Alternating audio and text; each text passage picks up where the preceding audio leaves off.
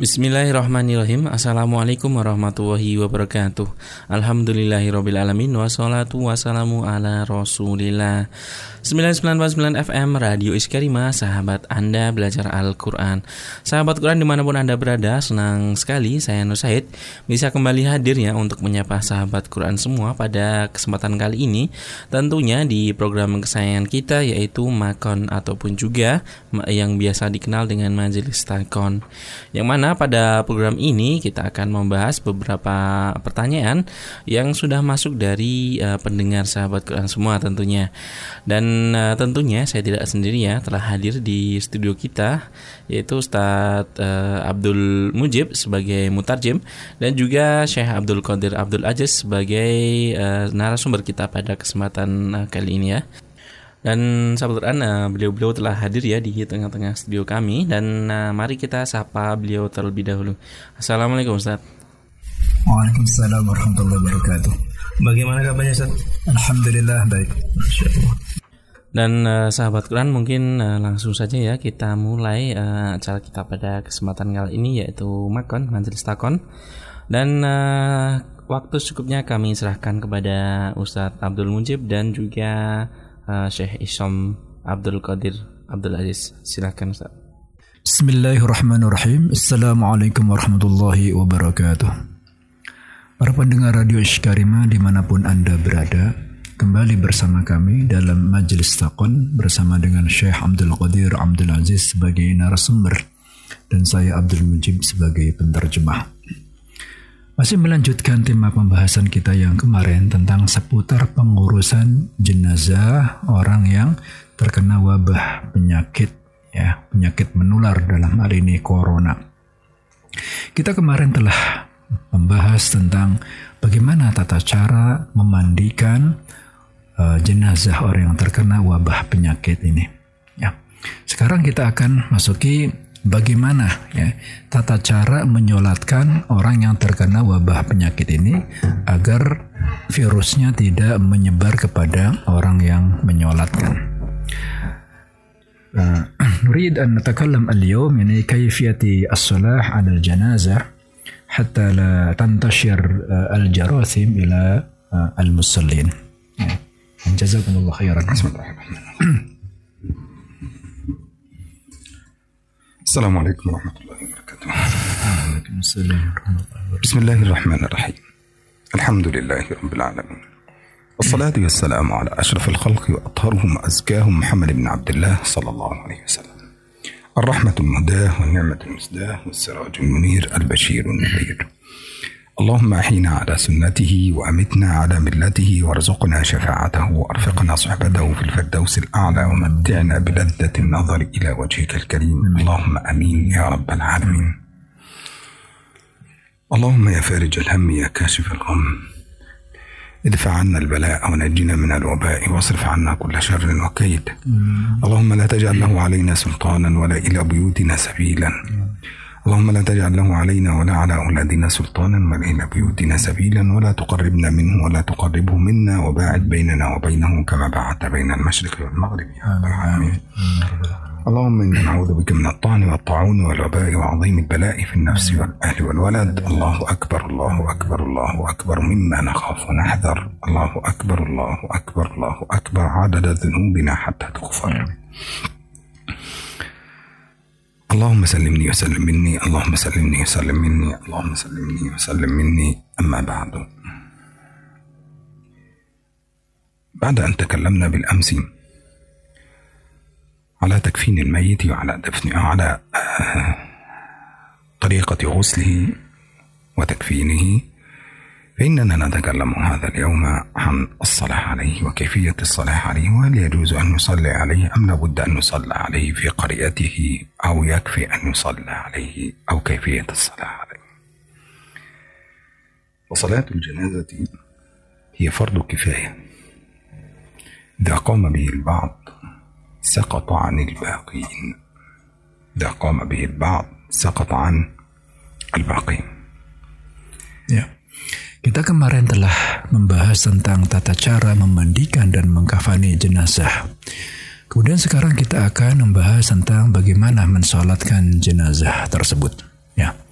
apakah jenazah tersebut harus disolatkan ataukah hanya cukup disolatkan oleh warga setempat ya dan kita ketahui ya kita ketahui bersama bahwa sholat jenazah ini hukumnya adalah fardu kifayah apabila sudah dikerjakan oleh sebagian orang maka kewajiban ini atau faridah ini gugur dari sebagian yang lain وإن كان الفقهاء في مسألة الوباء قد اختلفوا في ذلك إلى مذاهب المذهب الأول أنه تصلى عليه الجنازة وهذا المذهب هو مذهب الجمهور حقيقة هو مذهب الجمهور والجمهور في هذه المسألة هم الحنفية والمالكية والشافعية والحنابلة. وقد اختار هذا المذهب أيضا الإمام الشوكاني واختاره كذلك الإمام ابن تيمية. وقالوا إذا مات الإنسان في الوباء وقد جاء ذلك في حاشية الخرشي الشرح الكبير قال فيها الشيخ محمد الخرشي آه إذا مات الإنسان آه في وباء أو طاعون أو شيء مثل هذا فإنه يصلى عليه آه الجنازة. فإنه يصلى يصلي عليه الجنازة. ويصلي عليه من حضره. يصلي عليه من حضره فقط. يعني من حضره في الجنازة يصلي عليه. فإن كان هذا مثلا في المستشفى على هذا الرأي يعني على هذا الرأي فإن كان هذا في المستشفى مثلا ما الذي يحدث؟ من الذي سيصلي عليه؟ قالوا يصلي عليه مثلا سيصلي عليه الطبيب الموجود في المستشفى. طيب بأي عدد يكتمل عندهم هذه الجنازة؟ قالوا يكتمل بإثنين فقط. فالإثنين يطلق عليهم البعض. فيمكن أن يكون هذا العدد رجل وامرأة. رجل وامرأة لأن صلاة الجنازة مشروعة في حق النساء. مشروعة جائزة في حق النساء. كما ثبت أن عائشة رضي الله عنها صلت الجنازة على سعد بن أبي وقاص. يعني حضرت صلاة الجنازة لم تصلي إماما يعني, يعني لكن حضرت معهم صلاة الجنازة. وبالتالي فإننا لو نظرنا في هذه المسألة نرجع فنقول أن الجمهور والجمهور حنفية مالكية شافعية حنابلة وافق هذا الرأي الإمام الشوكاني وكذلك الإمام ابن تيمية. وجاء نصا في كتب المالكية ما ذكره الشيخ الخرشي في حاشيته على الشرح الكبير فقال والذي مات في وباء أو طاعون والذي مات في وباء أو طاعون يصلي عليه من حضره وتصلى عليه الجنازة يعني يصلي عليه الحاضر فقط فإن كان الحاضر اثنين خلاص يكفي هذا العدد في إقامة صلاة الجنازة. طيب وإن كان هذا العدد أكثر يعني اثنين من الرجال يكفي رجل وامرأة يكفي إذا حضر هذا العدد مثلا رجل وصبي مميز فإنه يكفي.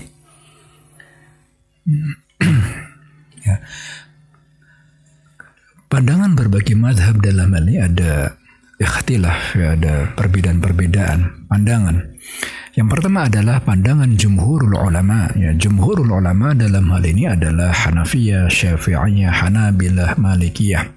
Dan Imam Ash-Shawkani dan juga Imam Ibnu Taimiyah juga menyetujui pandangan seperti ini. Ya, bahwasanya salat jenazah atau jenazah orang yang meninggal karena wabah penyakit yang menular ini di, tetap disolatkan. Demikian juga ya Syekh Al-Khurasi ya. Al-Khurasi ya. Beliau mengatakan di dalam kitabnya ya. Orang yang meninggal karena penyakitnya, wabah penyakit taun atau penyakit apa saja yang menular itu tetap disolatkan ya. Cukup apabila disolatkan oleh orang-orang yang hadir di situ. Jadi yang mensolatkan adalah orang-orang yang hadir atau ada di situ. Kalau seandainya dia meninggal di rumah sakit, cukuplah dokter yang menyolatkannya di situ. Seandainya ada dua orang laki-laki mensolatkan, maka itu mencukupi.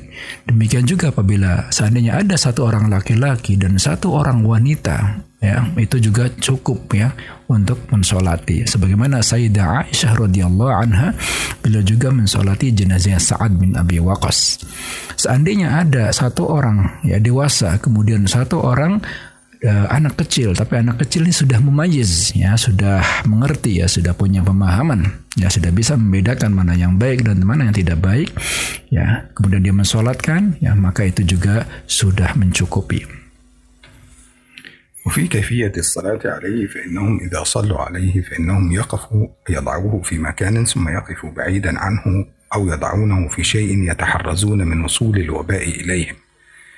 يعني أولا يضعونه في شيء بحيث يحافظوا على أنفسهم أولا.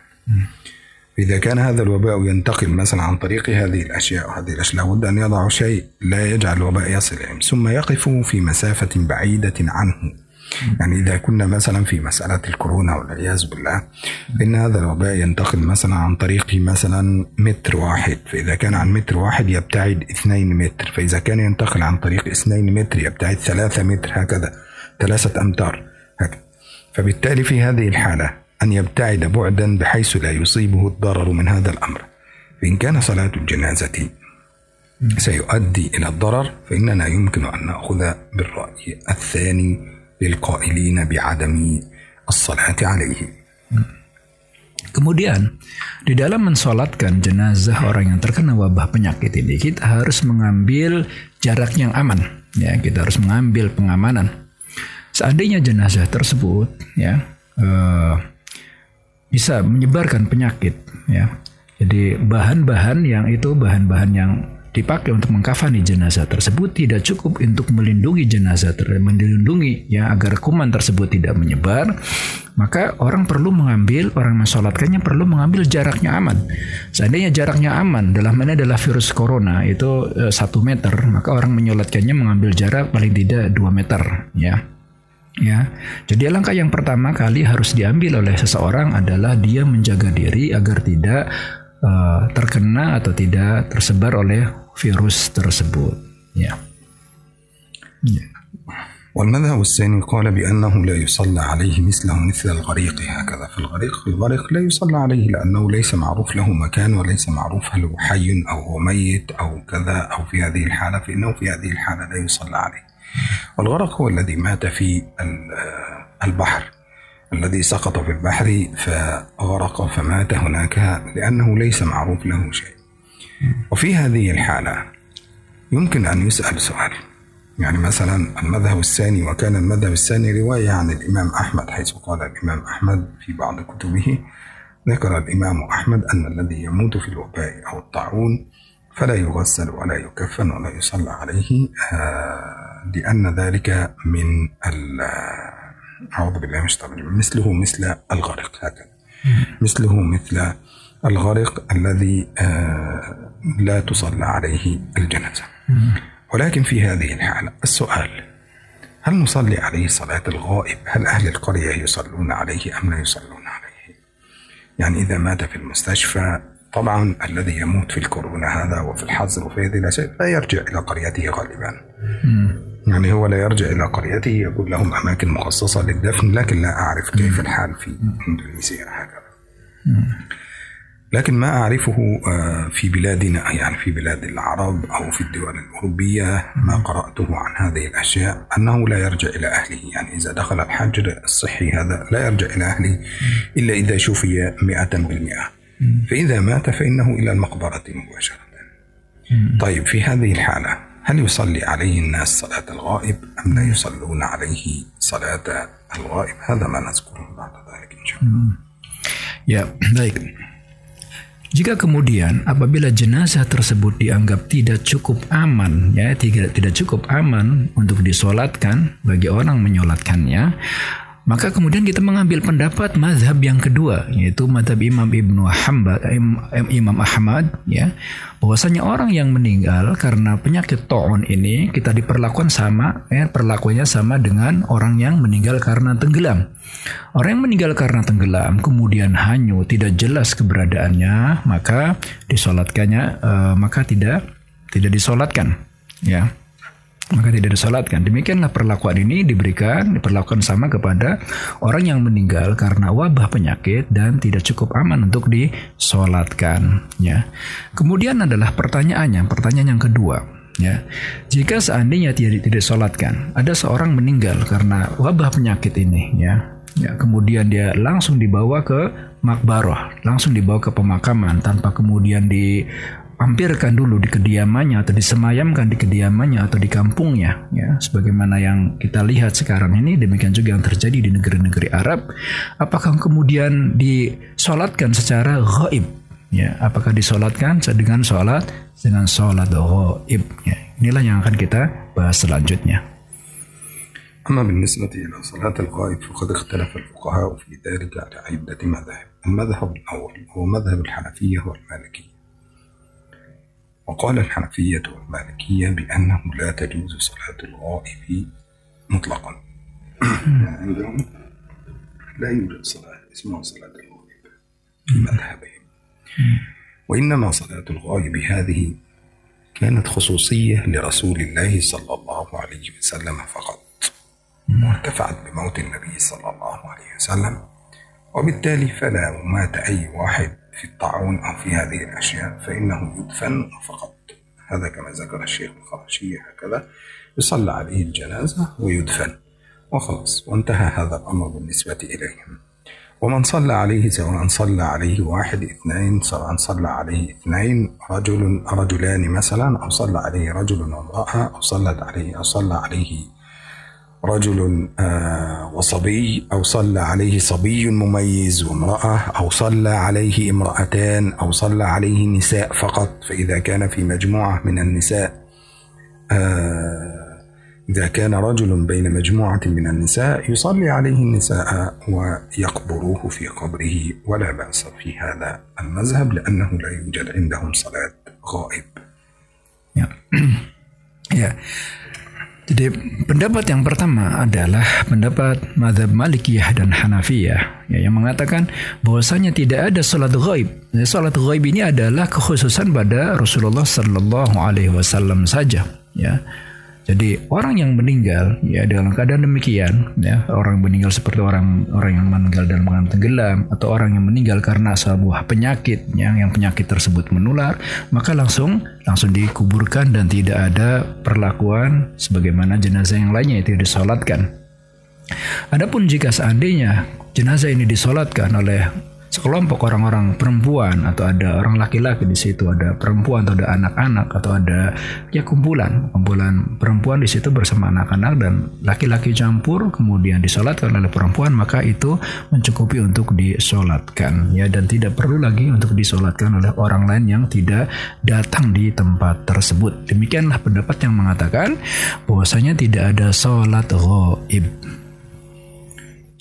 أما المذهب الثاني وهو كان مذهب الإمام الشافعي أو مذهب الشافعية والحنابلة وقالوا أن صلاة الغائب هي مشروعة في الإسلام ويجوز أن تصلى صلاة الغائب على كل إنسان. يعني صلاة الغائب جائزة ولا بأس فيها وهي ليست من خصوصيات النبي صلى الله عليه وسلم وإننا مأمورون بالاقتداء بالنبي صلى الله عليه وسلم. ولا يمكن أن نخصص شيئا بالنبي صلى الله عليه وسلم إلا بدليل صريح. فإذا لم يوجد دليل صريح يؤيد هذا الكلام على أنها خصوصية للنبي صلى الله عليه وسلم فقط فإن هذا لا يعمل به ونحن مأمورون بالاقتداء برسول الله صلى الله عليه وسلم. Ya, kemudian pendapat yang kedua tentang hukum salat ghaib ini yaitu pendapat Imam Syafi'i dan Madhab Hanabilah yang mengatakan boleh disolatkan dengan salat ghaib dan bahwasanya salat ghaib ini bukan hanya kekhususan, ya, bukan hanya kekhususan atau keistimewaan Rasulullah Sallallahu Alaihi Wasallam saja, ya. Kecuali ada dalil yang mengatakan bahwasanya ini hanya khusus untuk beliau saja. Jadi kita semuanya ada diperintahkan untuk mengikuti Rasulullah Sallallahu Alaihi Wasallam. Maka dalam hal ini sebuah seorang jenazah, jenazah yang tidak disolatkan, tidak sempat disolatkan secara hadir, maka bisa disolatkan secara gaib. واستدلوا بما جاء عن النبي صلى الله عليه وسلم كما جاء في الصحيحين أن رسول الله صلى الله عليه وسلم خرج على أصحابه يوما فنعى لهم أن النبي صلى الله عليه وسلم خرج على أصحابه يوما فنعى لهم النجاشي. نعى لهم النجاشي. وكان النجاشي في بلاد الحبشة. وقد أسلم النجاشي قبل أن يموت. فنعى لهم رسول الله صلى الله عليه وسلم النجاشي. وهنا لما نعناه النبي صلى الله عليه وسلم وصلى عليه رسول الله صلى الله عليه وسلم. فنعاه لهم أي أخبرهم بأن النجاشي قد مات ثم أمر النبي صلى الله عليه وسلم بصلاة الجنازة وجمع الناس فصلى بهم صلاة الغائب على النجاشي الذي آه، قد مات في بلاد الحبشة وكان رسول الله صلى الله عليه وسلم في المدينة. Ya, ada pun pendapat yang mengatakan bolehnya sholat goib ini eh, berdasarkan dalil dari uh, riwayat bahwasanya Rasulullah Shallallahu Alaihi Wasallam datang kepada sekelompok sahabat-sahabat beliau Ya. Kemudian beliau memberikan kabar kepada mereka, kepada sahabat-sahabatnya, bahwasanya Najasi telah meninggal. Ya, Najasi yang tinggal di negeri Ethiopia, Habasyah, telah meninggal. Kemudian Rasulullah Shallallahu Alaihi Wasallam mengumpulkan para sahabat-sahabatnya dan mengajak mereka, memerintahkan mereka untuk melakukan sholat ghaib untuk Najasi ini. صلى عليه النبي صلى الله عليه وسلم. وهنا حدث خلاف بين القائلين بالجواز فاختلفوا فيه على ثلاثة أقوال. القول الأول وقول الشافعية ورواية في مذهب الإمام أحمد والإمام أحمد له ثلاث روايات في هذه المسألة.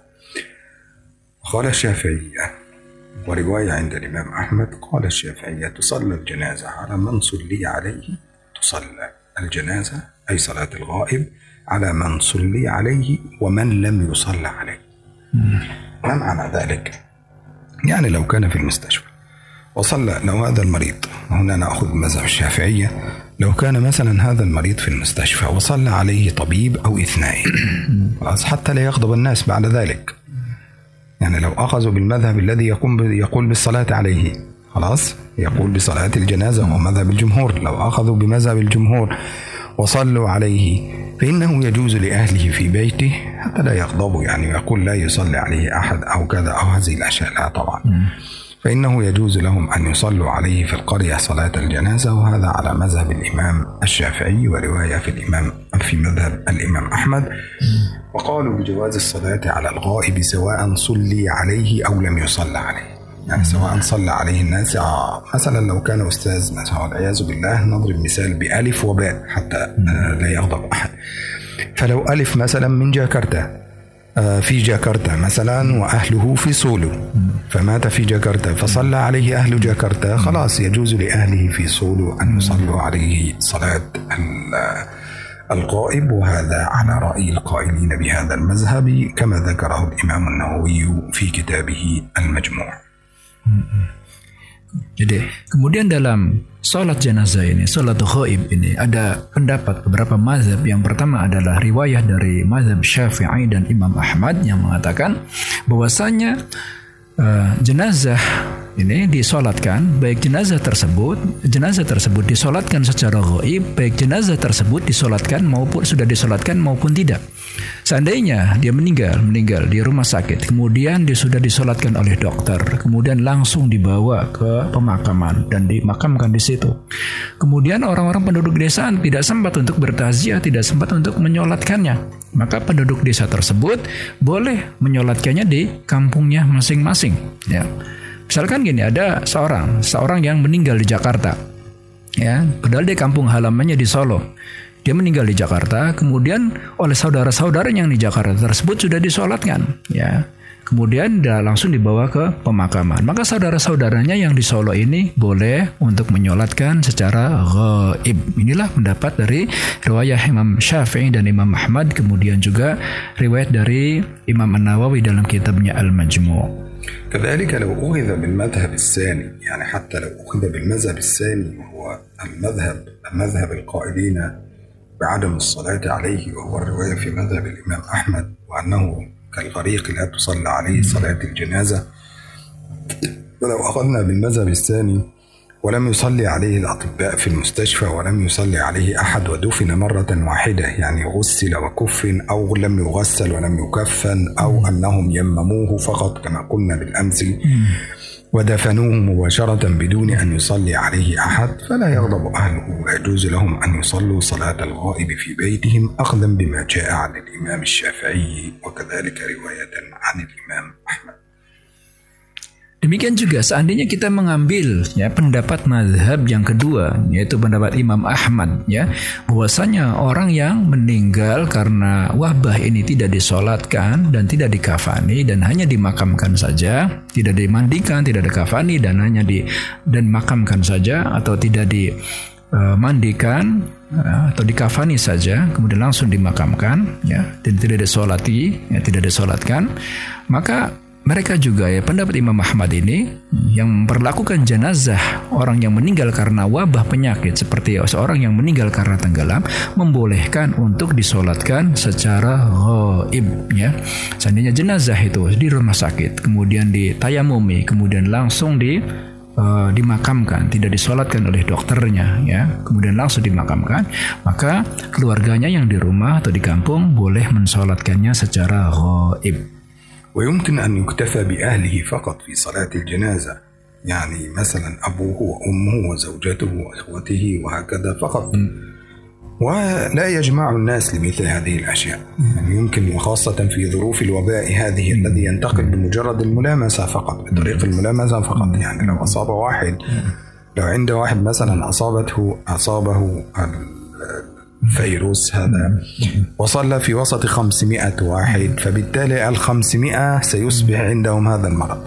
لأنه طبعا لا عدوى إلا بأمر الله سبحانه وتعالى لكن الحذر مطلوب.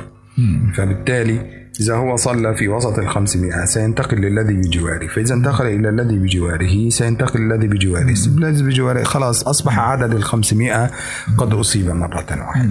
ولذلك هنا الضرر يزال. الضرر يزال. طيب ما هو الضرر الذي يزال هنا؟ سنكتفي سنكتفي بفرض الكفاية فقط أو بأداء فرض الكفاية. فيصلي مثلا أهله فقط فيجتمع أهله فقط في البيت ويصلون عليه صلاة الغائب أو يجتمع أهل قريته فقط إذا كانوا يأمنون على أنفسهم من الضرر ولا يجمع الناس من بعيد ولا يذكر هكذا. ويفضل في هذه الأشياء حقيقة عدم ذكر اسم الميت. يعني يفضل في هذه الأشياء عدم ذكر اسمه. كانوا سيصلون عليه صلاة الغائب. فلا يقولون مثلا فلان ابن فلان الذي كذا الذي مات في مرض كذا كذا. لماذا؟ لأن الناس تأنف. يعني في وقت الوباء الناس تأنف من سماع مثل هذه الأشياء. والنفس لا تريد. يعني النفس لا تحب سماع مثل هذه الشيء هذا الشيء. مع احترامي لك يا أستاذ الحبيب ومع جلوسي أنا وأنت. لو سمعت أن واحد عنده هذا المرض وقد مات أنت ستذهب إلى الجنازة أم ستخاف كل إنسان سيخاف على نفسه وعلى حاله Kemudian ya orang yang mensolatkannya ini adalah cukup keluarga dekatnya saja, ibu bapaknya atau anak-anaknya atau istrinya dan tidak perlu melibatkan orang banyak. Karena kalau melibatkan orang banyak justru akan berisiko menularkan penyakit ini kepada mereka ya apalagi khususnya kita berada dalam kondisi waspada seperti ini ya. Karena kaidah fikih mengatakan abdororu yuzalu ya, do abdororu yuzalu. Ya, abdoror itu sesuatu yang berbahaya itu harus dihilangkan. Bagaimana menghilangkan sesuatu yang berbahaya ini? Yaitu kita mencukupkan dengan yang fardu kifayah saja. Ya, kita mencukupkan fardu kifayah saja dengan sudah disolati oleh sebagian kerabatnya maka itu sudah mencukupi. Karena kalau seandainya disolatkan oleh banyak orang maka itu akan menyebarkan penyakit lagi kepada orang lain dan ini lebih berbahaya lagi. Kemudian Hal yang perlu kita perhatikan adalah tidak boleh menyebut nama, ya, tidak boleh menyebut nama jenazah ini, ya, tidak boleh menyebut nama jenazah ini demi menghormati dan demi menghormati jenazah ini ya. Karena dalam kondisi seperti ini, seperti ini kita tentu merasa uh, agak sedikit jijik ya, takut, khawatir ya dengan penyakit ini meskipun yang meninggal itu adalah orang yang sangat kita hormati. Sebenarnya ada orang yang sangat kita hormati ya, guru kita atau orang tua kita meninggal dengan penyakit seperti ini, apa kita kemudian akan mendekati jenazahnya? Ya, apa kita kemudian akan uh, mendekatinya seperti jenazah-jenazah orang yang meninggal secara normal? Kan tentu tidak. Kita khawatir dengan penyakitnya tersebut. Maka demi menjaga kehormatan orang tersebut, kita tidak menyebutkan namanya. Ya, kita tidak perlu menyebutkan namanya, menyebutkan nama orang tuanya. Cukup kita mensolatkan ya dengan menyebutkan domir saja, laki-laki atau ataupun perempuan gitu. أما المذهب الثاني أو الرواية الثانية وكانت رواية للإمام أحمد وهو أنه لا يصلى الجنازة إلا على من لم يصلى عليه يعني لا تصلى صلاة الغائب إلا على من لم يصلى عليه فقط يعني لو مات في المستشفى ولم وغسلوه وكفنوه أو يمموه أو كفنوه أو فعلوا مثل ما قلنا بالأمس ف ولم يصلي عليه أحد ودفنوه مباشرة فإنه يجوز هنا الصلاة عليه. أما إذا صلى عليه في المستشفى إذا صلي عليه في المستشفى فلا يصلى عليه. هذا هو هذه هي الرواية الثانية. كما قلنا أن الذين قالوا بالاتفاق على أنه يجوز صلاة الغائب آه اختلفوا فيما بينهم على كان الإمام أحمد له ثلاث روايات. الرواية الأولى متفقة مع الإمام الشافعي. يصلى على من صلي عليه ومن لم يصلي عليه. هذه سواء صلى عليه الناس أم لم يصلوا عليه. أما الرواية الثانية فكانت رواية الإمام أحمد فقط. وهذه الرواية اختارها الشيخ اختارها الشيخ السعدي على أنه يصلى على من لم يصلى على من لم يصلى عليه فقط. إذا ولذلك النبي صلى الله عليه وسلم صلى على النجاشي. والنبي لما صلى على النجاشي صلى على النجاشي لأنه لم يكن في بلده من يصلي عليه كما ذكر الإمام أحمد في هذه الرواية. Kemudian madhab yang kedua tentang pendapat-pendapat yang membolehkan sholat goib terhadap jenazah orang yang meninggal karena wabah penyakit ini adalah Mazhab yang mengatakan boleh disolatkan secara hoib bagi jenazah yang belum disolatkan. Dan ini adalah riwayat dari Imam Ahmad yang kedua.